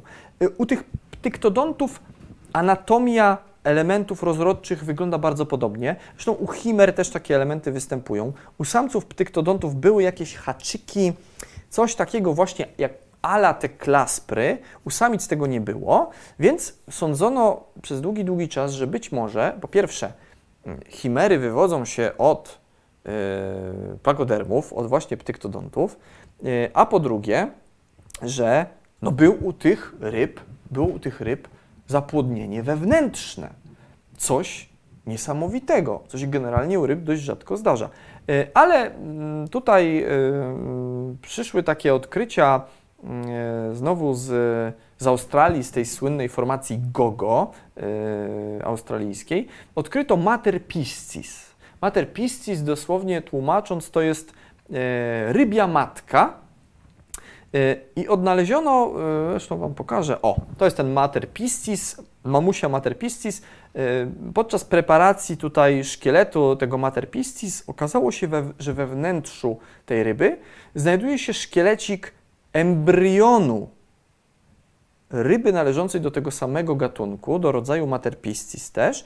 Mało tego, znaleziono zmineralizowaną, spirytyzowaną, dokładnie, pępowinę i woreczek żółciowy, który tutaj ładnie e, widzimy, też który uległ mineralizacji. Dzięki super, ultra świetnym warunkom fosylizacji, które tam panowały. E, więc okazuje się, że w ogóle e, przynajmniej niektóre plakodermy, przynajmniej ptyktodonty, były żyworodne. Mały plakoderm rodził się bezpośrednio z ciała matki, był połączony pępowiną, czyli to jest najstarszy przykład żyworodności wśród kręgowców w dziejach Ziemi. U ryb pancernych, najstarsza żyworodność. Od tej pory, jak będziecie myśleć o zwierzętach żyworodnych, to nie tylko o ssakach, ale też o rybach pancernych. Chcę, żebyście tak myśleli, ale prawdopodobnie y, no nie wszystkie ryby pancerne były żyworodne. E, ptyktodonty raczej, raczej większość, natomiast mm, doszukiwano się śladów żyworodności również w kilku innych rzędach, między innymi w tym najbardziej znanym rzędzie Artrodira, o którym za chwilę sobie powiemy, ale nie mamy na to bezpośrednich dowodów. Natomiast tak czy inaczej, u ptyktodontów ta żyworodność występowała. Chwała Ci, Mater Piscis, Matko yy, wszystkich ryb. Tutaj a propos tej żyworodności i w ogóle rozmnażania się, taka mała dygresja. Y, mm, wiadomo, że generalnie ryby pancerne były zwierzętami, które, mm, które y, no, w pewnym sensie dbały o swoje młode, tworząc takie y, żłobki plakodermowe. I są takie stanowiska paleontologiczne w Belgii, właśnie dewońskie, z końca Devonu, ile dobrze pamiętam, z Franu zdaje się, gdzie e, wiemy, że młode plakodermy e, e, szukały schronienia w jakichś płytkich regionach, gdzieś, gdzie były zarośla, gdzie mogły się ukryć przed drapieżnikami. To był taki żłobek plakodermowy i tu nawet wiemy, że taki sposób chronienia się młodych występował w trzech różnych rzędach plakodermów. U tych, jak widzimy, mm, fylolepidów, u antiarchów i u artrodirów, o których e, za momencik. Także generalnie dosyć rozpowszechniony w obrębie plakodermów był, e, było zjawisko, e, zjawisko żłobka, zjawisko żłobków plakodermowych. Młode generalnie chroniły się w tych płytkich wodach przed groźnymi drapieżcami. Ok, i przechodzimy do ostatniej, tej chyba naj najlepiej poznanej, najbardziej lubianej, pewnie najbardziej spektakularnej grupy czy rzędu plakodermów Artrodira. Po polsku można mówić artrodiry, chociaż są też takie dwie nazwy, które mi się średnio podobają: stawogłowe i zawiasowce. Jakby przyjmijcie to, po prostu zaakceptujcie to, nie zadawajcie zbędnych pytań. Artrodiry generalnie. Do nich należy tak naprawdę większość, to jest między 70 a 80% wszystkich ryb pancernych to są artrodiry. Czyli statystycznie, jak znajdziecie skamieniałość ryby pancernej, jest największa szansa, że znaleźliście artrodira właśnie. I do artrodirów należy ten słynny kultowy Dunkleosteus, yy, ale on jest tym takim najbardziej no, defaultowym plakodermem, a chciałem Wam pokazać, że w obrębie tylko rzędu artrodira powstawały przeróżne adaptacje i tylko ten rząd mógł wykształcać różne kształty, różne rozmiary, różne przystosowania, bo wcześniej do tej pory, jak omawialiśmy sobie te rzędy, no to każdy z nich miał ten swój taki gimmick, tę swoją jakąś cechę, jeden jakiś taki plan budowy, jedne konkretne przystosowania. Tutaj w obrębie tylko jednego rzędu to może być wszystko tak naprawdę. Yy, jeszcze zanim te przykłady artrodirów, to yy, w obrębie tego rzędu występuje taka ciekawa, taki ciekawy trend ewolucyjny związany z płetwami. Y, o płetwach sobie za wiele nie mówiliśmy, bo też za wiele o nich nie wiadomo tak po prawdzie, ale co nieco wiadomo yy, na podstawie otworu po płetwie. U pierwotnych yy, artrodirów, i to mamy tutaj tego yy, przedstawiciela jakichś tam kokosteidów chyba po lewej stronie, E, mamy, e, widzimy, że w pancerzu tułowiowym jest otwór na płetwę, jest taka dziurka z tyłu nieduża. Natomiast za pancerzem, jakby tył pancerza, e, pancerz od tylnej strony ma takie mocne wcięcie. To się mówi, że to jest zatoka postpektoralna. Tłumacząc na polski, zatoka zapłetwowa, tak byśmy powiedzieli. Zatoka, która znajduje się za płetwą. I u tych pierwotnych artrodirów, no płetwa jest obudowana pancerzem dookoła. Nie, jakby nie, nie ma kontaktu, e, płetwa nie jest wolna z tyłu, więc płetwa u pierwotnych artrodirów była w pewnym sensie unieruchomiona. Miała takie małe zdolności lokomotoryczne. Nie, ten, te plakodermy pierwotne artrodiry nie mogły nimi jakoś specjalnie machać. Natomiast po prawej stronie mamy takiego Dunkleosteusa, gdzie już e, to, to wycięcie na płetwę, które znajduje się na dole E, pancerza tułowiowego jest połączone z tą zatoką postpektoralną z tyłu pancerza. Po prostu ta zatoka wcięła się w głąb pancerza i połączyła z wycięciem na płetwę. I to sprawiło, że te płetwy piersiowe u zaawansowanych artrodirów stały się bardziej takie swobodne. Może bardziej służyły do skręcania. To umożliwiło plakodermom, artrodirom dokładnie, tworzenie nowych form, prawdopodobnie takich, które osiągały duże rozmiary, takie, które mogły polować na większą zdobycz, takie, które mogły, e, mogły mm, e, mm, no, eksplorować, zdobywać zupełnie nowe środowiska, jakieś pelagiczne, otwartomorskie, e, ewoluować w stronę wielkich, wielkich drapieżników. Były też bardziej zwrotne, mogły bardziej pewnie hamować, osiągać większe prędkości. Taka, zwróćcie uwagę, mała taka pierdoła, głupota w budowie z tyłu pancerza, a tyle wniosła w powstanie wielkich form i groźnych drapieżników. No dobra, nie przeciągając, y, przykłady ciekawych artrodirów. Y, pierwszy taki yy, śmieszny jegomość to jest Rolfosteus, nieduży drapieżnik, yy, ja tu napisałem, że to jest plakoderm nosacz, który miał takie rostrum, przód ta, ta część taka nosowa była przekształcona w taki długi nosek, rostrum właśnie. Zresztą nie ten jeden Rolfosteus takie rostrum posiadał. Tam w obrębie, w obrębie tak zwanych kokosteidów różne takie rostra się pojawiały, ale Rolfosteus jest chyba tym najbardziej skrajnym przypadkiem. Nieduży taki drapieżnik rafowy. E, no moim ulubieńcem jest Kuidanowiaspis albo Kuźdanowiaspis, chyba Kuidanowiaspis, plakoderm wielkorak. E, w Sylurze, kiedy e, dopiero ewolucja plakodermów e, no, tutaj zaczynała się formować, dominującymi drapieżnikami w morzach były wielkoraki.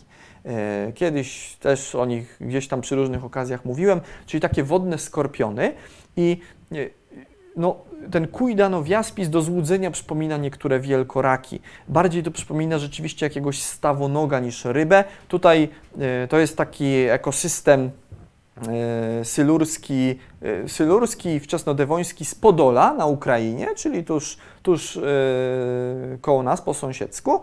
Tam mamy takie kuidanowiaspisy polujące na jakiegoś bezszczękowca E, pancernego z rodzaju podolaspis, nazwanego na cześć Podola. No ten kuidanowiaspis to jednak groźny drapieżnik. Bełba artrodiry to generalnie w większości e, mięsożercy. Co ciekawe, były, była też taka grupa w obrębie artrodirów holonematidy, które uznaje się za plakodermy roślinożerne. Takie, które sobie zgryzały glony gdzieś tam ze skał, ale znacząca większość to jednak drapieżcy. E, Titan ichthys jest no, spektakularnym przykładem artrodira. Tutaj napisałem plakoderm waleń. Y, na pierwszy rzut oka bardzo przypomina Dunkleosteusa, ale po zbadaniu dokładnie aparatu szczękowego okazało się, że Titan ichthys był filtratorem. On zajmował niszę ekologiczną dzisiejszych waleni fiszbinowych niszę ekologiczną, którą dzisiaj zajmuje płetwal błękitny albo finwal, wielki filtrator. Pływały te titanichtisy, rozdziawiały paszcze i filtrowały plankton, jakieś małe żyjątka stoni wodnej. Niesamowite, niesamowite, spektakularne zwierzę. To nam też pokazuje, że już wtedy w Dewonie te ekosystemy morskie miały dużo więcej wspólnego z dzisiejszymi ekosystemami, czy takimi nowoczesnymi ekosystemami, o których zwykleliśmy myśleć, że powstały gdzieś tam powiedzmy w mezozoiku, dopiero w Triasie, w Jurze, tu już widzimy, że i w głębokim paleozoiku mamy, mamy olbrzymich filtratorów. Także taki dzisiejszy płetwal błękitny to jest recykling starych pomysłów, jak widzicie, od Devonu, powstałych w Devonie. No i ten Titanichtis był większy od Dunkleosteusa. Tu mamy nurka, po prawej Dunkleosteus, po lewej taki Titanichtis. Pływał, rozdziawiał te paszcze, no i sobie łapał, łapał ten plankton. Trochę taki właśnie waleń, albo może rekin wielorybi, e, albo rekin wieloszpar, coś, coś takiego. No i na koniec ten najbardziej tutaj lubiany, znany i lubiany Dunkleosteus, wielki drapieżnik. Takich dużych drapieżników to było zresztą kilka rodzajów. Dunkleosteus, Gorgon ichthys, e, parę takich, e, takich typków było. Przeważnie te, te drapieżne, takie duże drapieżne e, plakodermy, no to miały tak między 2 a 5 metrów. Przeważnie to taki Dunkleosteus miał powiedzmy 3,5 metra długości. Są takie pojedyncze znaleziska, które pokazują, że największe mogły osiągać pewnie i nawet kilkanaście metrów, ale to są jakieś izolowane skamieniałości. Te takie kompletne czaszki, no to mówią, że znacząca większość to były jednak formy osiągające powiedzmy te 3-3,5 metra długości. O, a tutaj jeszcze to, co mówiłem na początku. To jest chyba najbardziej scientifically accurate rekonstrukcja Dunkleosteusa, jaką znalazłem w całym internecie. Najbardziej poprawna naukowo rekonstrukcja tej ryby. Nie wygląda tak spektakularnie, jakby miał, wiecie, twardy pancerz obudowany i wystające te szczęki. No wygląda jak taki, hmm, no nie wiem, jakiś taki karp, coś takiego, ale najprawdopodobniej mniej więcej tak to zwierzę wyglądało. E, I tym wesołym, paleoartystycznym akcentem zakończymy dzisiejszy e, wykład. E, na koniec przypominajka, mówiłem o tym tydzień temu, moi drodzy. Na stronie facebookowej Muzeum Ziemi w Warszawie i na stronie internetowej Muzeum Ziemi w Warszawie trwa cały czas konkurs którym jest do wygrania książka Stuarta Kaufmana Świat poza fizyką. Także wszystkich fanów biologii ewolucyjnej odsyłam na Facebooka Muzeum Ziemi w Warszawie i na stronę internetową Muzeum Ziemi w Warszawie. Jeszcze dwa dni potrwa ten konkurs, do piątku włącznie, także e, jeszcze, jeszcze jest e, szansa, żeby taką książkę zgarnąć. Tam macie zasady konkursu, tam macie pytanie konkursowe, co zrobić, żeby taką książkę wygrać. Są jeszcze dwa dni, więc postanowiłem tutaj Wam o tym, o tym przypomnieć. Dobrze, moi drodzy, to tyle. Długo dzisiaj zajęło, ale temat ciekawy, więc, więc myślę, myślę, myślę że, e, że, że się Wam spodobało. E, przejdziemy sobie do czatu. Zobaczymy, co tam pisaliście o rybach pancernych. Hmm, hmm, hmm. prehistorycznych oceanariach w Jura Parkach mają ryby pancerne Lady of River. Tak, ja nawet mi się kiedyś zdarzyło w Warszawie na Stadionie Narodowym w takim oceanarium pracować e, swego czasu i tam faktycznie taki Dunkleosteus przypływał, z nienacka walił e, w ekran dzieci, które oprowadzałem, piszczały ze strachu i z podniecenia. Tak, to było, to było bardzo widowiskowe faktycznie. Myślę, że tak, w Jura Parku w Bałtowie też, te, też jest takie oceanarium, tam sobie Dunkleosteusa możecie obejrzeć.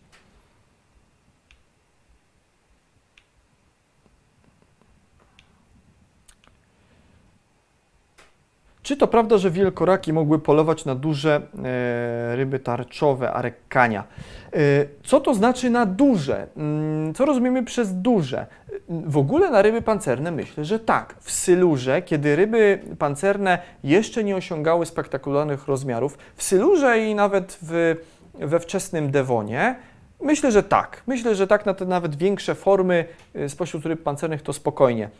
Później, kiedy ryby pancerne właśnie w środkowym Dewonie zaczęły osiągać duże rozmiary, takie powiedzmy kilkumetrowe, to powiedzmy sobie rozumiemy przez duże, e, no to, no to już wtedy nagle wielkoraki no, tracą tutaj na znaczeniu. Wielkoraki w ogóle przetrwały do karbonu, ale gdzieś tam w jakichś pojedynczych niszach ekologicznych, ale na początku ewolucji ryb pancernych, kiedy nie było tych dużych drapieżnych artrodirów, taki 3-metrowy wielkorak to spokojnie by sobie z metrowym plakodermem by poradził.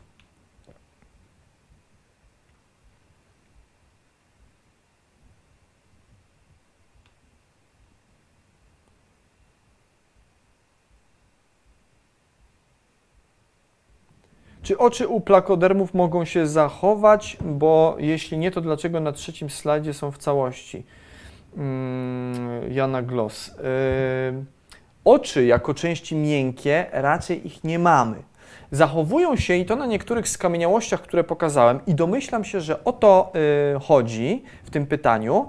Zachowuje się coś takiego, co się nazywa pierścieniem sklerotycznym. Pierścień sklerotyczny czasami się pierścień twardówkowy mówi. To jest taki pierścień, taki element kostnych płytek obudu, obudowujących właśnie oko, ale on występuje generalnie u kręgowców. To jest element anatomiczny powszechny, o ile nie jesteśmy ssakiem y, ani, ani krokodylem, y, no to generalnie będziemy te pierścienie sklerotyczne y, posiadali.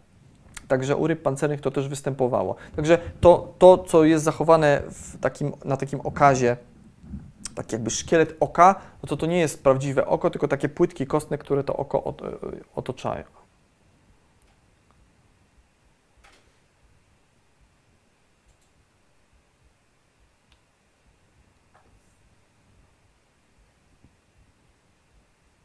A czy wiadomo, jak to było z tym pancerzem? E, czy młode ryby już je miały i zwiększały się te pancerze razem ze wzrostem ryby, czy dopiero pojawiały się u dorosłych ryb?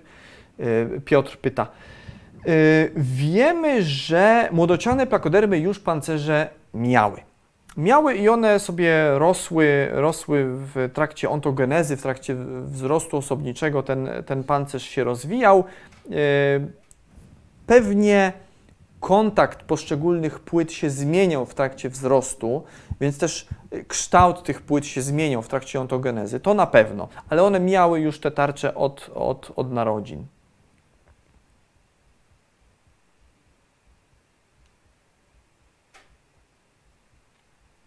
Dlaczego ewolucja po wymarciu ryb pancernych nie powtórzyła ponownie pomysłu ryby pancernej? Obecnie można spotkać przecież żółwie morskie, pyta Piotr G. Y, no właśnie nie powtórzyła, czy może jednak powtórzyła i to wielokrotnie? Y, to, co powiedziałem, y, najważniejsza rzecz z dzisiejszego wykładu, jaką powinniście wyciągnąć, to to, że ten pancerz ryb pancernych nie różni się za bardzo od kości, które budują, budują powiedzmy czaszkę czy ciało innych ryb kostno-szkieletowych. Jak sobie weźmiecie szkielet dużej ryby kostno-szkieletowej dziś żyjącej, to tam też jest masa takich płaskich, dużych kości, które mają formę płyt kostnych czy takich tarcz. To jest powszechne. Powszechne. Y, tu po prostu te tarcze się inaczej e, nazywały. To były inne kości, ale to były cały czas kości. Więc ten eksperyment ewolucyjny tej pancerności mm, powtarza się do dzisiaj w innych y, grupach ryb, u ryb kosnoszkieletowych głównie.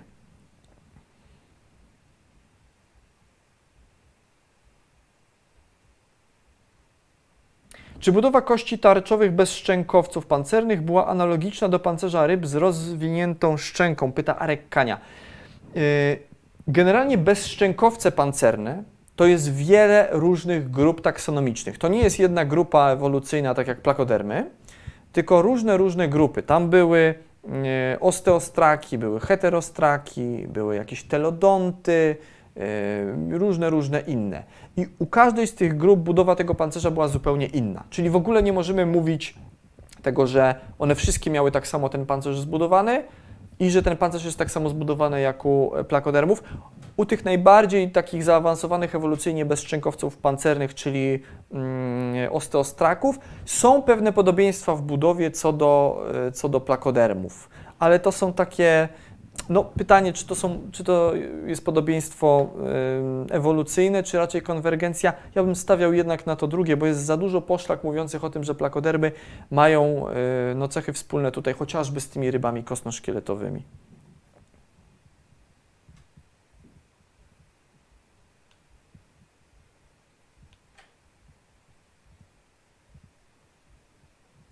Może odcinek o rybach pancernych z Podola, Marcin Pałdyna. Troszkę o tych rybach pancernych z Podola yy, powiedziałem. Jest ten Kuidanowiaspis, pamiętacie?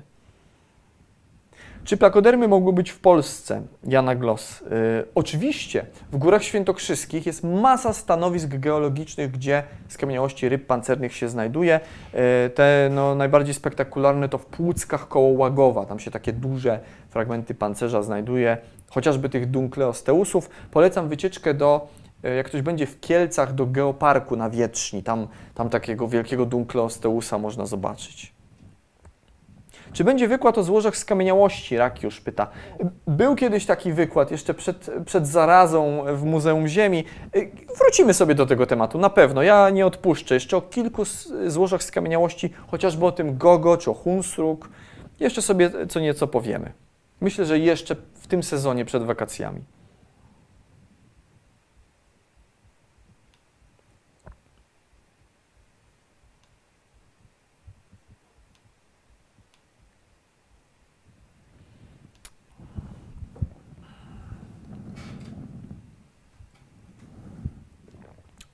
Tak, tutaj Rak już pisze, że można je znaleźć w Górach Świętokrzyskich, dokładnie w Łagowie. Taka historyjka, kiedyś taki żarcik paleontologiczny. Kiedyś jak byłem z doktorem Piotrem Szrekiem na wykopaliskach właśnie w wspomnianym Łagowie, szukaliśmy tam kości ryb pancernych, znalazł się jakiś dziwny kawałek dużego czegoś, mm, ktoś to rozbił młotkiem, pękło na pół, okazało się, że to jest kość w środku, że to jest właśnie jakaś płyta, doktor Szrek to potem wziął w ręce, złożył te dwa kawałki, to miało taki trapezoidalny kształt i powiedział to nuchale! Koniec żartu. Chodzi o to, że to była ta tarcza nuchale, która jest tak ważna dla plakodermów, że widzicie tutaj plakoderbiści od razu to nuchale, super, ważna sprawa.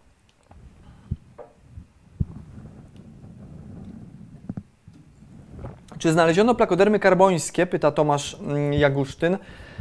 Y, są takie znaleziska pojedyncze, y, fragmentaryczne plakodermów, które uchodzą za wczesnokarbońskie. Y, ale to jest na razie za mało, żeby tak z, z czystym sumieniem powiedzieć. Z tego co wiem, te stanowiska, w których znaleziono, tam są jakieś problemy z datowaniem, że tak nie do końca wiadomo, czy to jest jeszcze najwyższy Devon, czy to jest już dolny karbon. Jak się znajdą w jakichś innych stanowiskach, gdzie konkretnie będzie wiadomo, to je karbon, panie, no to będzie sprawa załatwiona. A na razie trzymałbym się jednak tego, że wymarły pod koniec Devonu.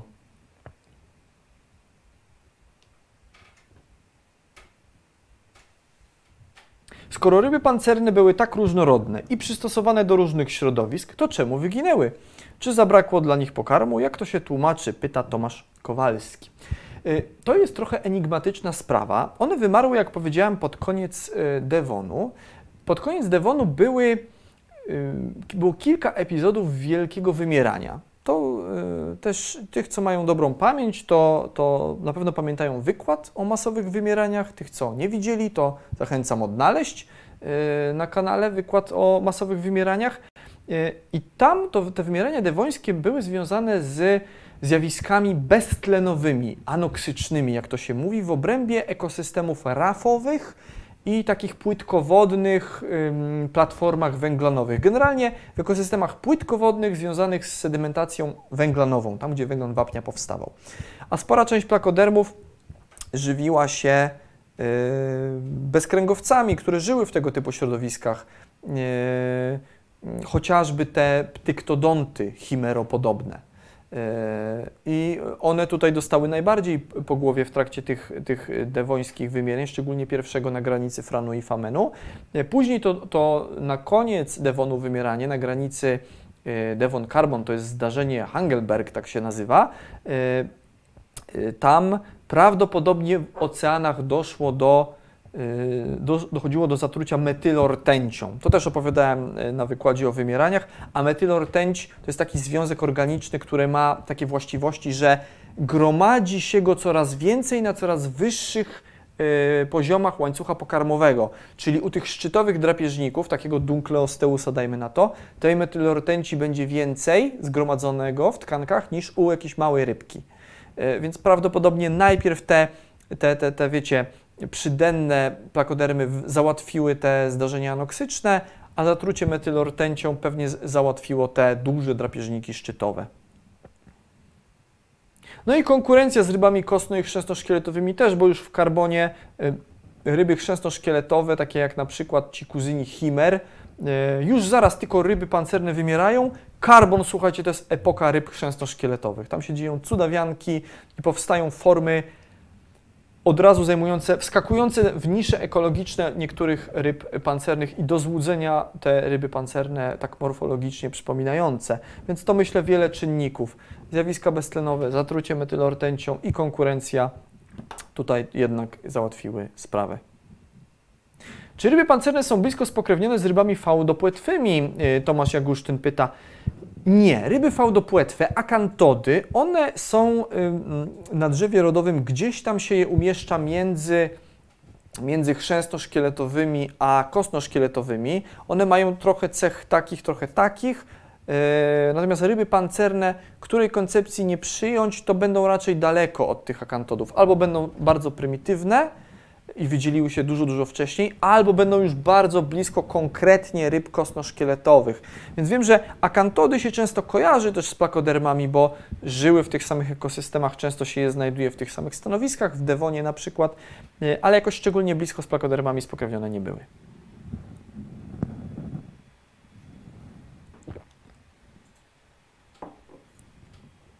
Jak doktor to wymawia, to to brzmi jak włoskie nazwisko. Y, dużo dzisiaj takich nazw, jak jakieś włoskie żarcie. Antero dorso laterale. Bierzemy antero dorso laterale, dodajemy paranuchale i wychodzi z tego mm, nam y, artrodira na przykład. O.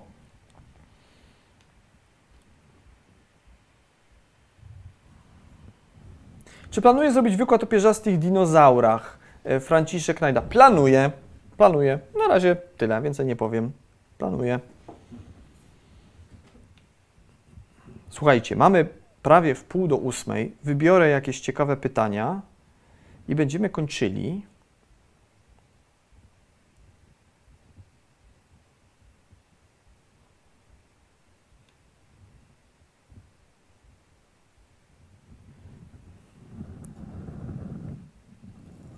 jak się ten pancerz tułowiowy nazywał? Pancerz tułowiowy po prostu. On jest z różnych płyt Lady y, of River zbudowany.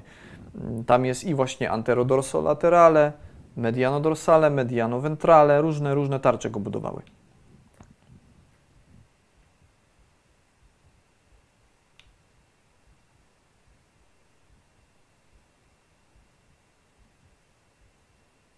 Ciekawe, czy u antyarchów w tym zagłębieniu na czaszce było tak zwane trzecie oko, pyta Edward Oświata. E, tak, tak, tam było też, e, był po prostu ten, to oko ciemieniowe też się tam znajdowało, dokładnie tak.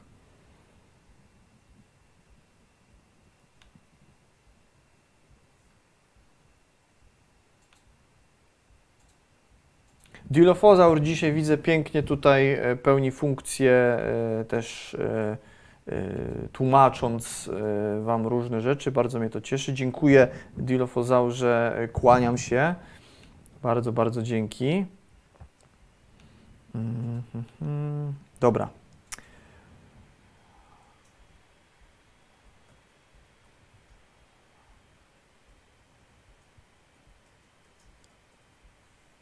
Czy to Anomalocaris na mojej koszulce? Tak, Anomalocaris to taka jedna z moich najstarszych koszulek, jeszcze ze studiów na Wydziale Geologii taką kiedyś można było zakupić. Ale to były dawne czasy, dzisiaj już chyba nie do dostania.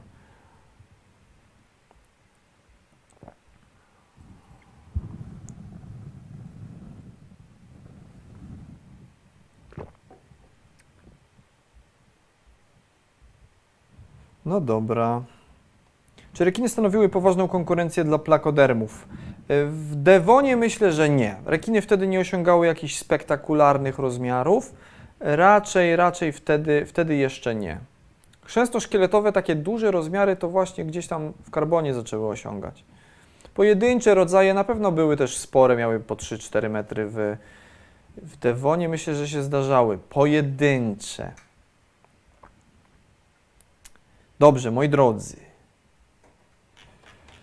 Będziemy kończyli. Bardzo Wam dziękuję za dzisiejszą obecność. Dużo Was przybyło. Cieszy mnie to niezmiernie. Za tydzień zapowiadam wykład o budowie wnętrza Ziemi. Zajrzymy sobie do wnętrza Ziemi. Już od jakiegoś czasu przygotowuję to dla Was. Będzie, będzie ciekawie. Będą się działy rzeczy generalnie, więc zapraszam. Budowa wnętrza Ziemi za tydzień, w środę o 18 tu na kanale. E, Przypominam o konkursie jeszcze raz. Dwa dni zostały na Facebooku Muzeum Ziemi. Tam są warunki konkursu, żeby zdobyć książkę o biologii ewolucyjnej. E, Wszystkim tym, którzy dotrwali do tego momentu i oglądają nas na przykład z puszki, również dziękuję pięknie. Napiszcie w komentarzach, jak, mm, jeśli dotrwaliście do końca, napiszcie w komentarzu dzieje Ziemi. Niech wiedzą, niech wiedzą, że, że dotrwaliście do końca. Dziękuję Wam pięknie. Ja się nazywam Daniel Tyborowski. To były środowe spotkania z dziejami Ziemi o rybach pancernych, niezwykle interesujących ziomeczkach paleozoicznych. Za tydzień budowa wnętrza Ziemi.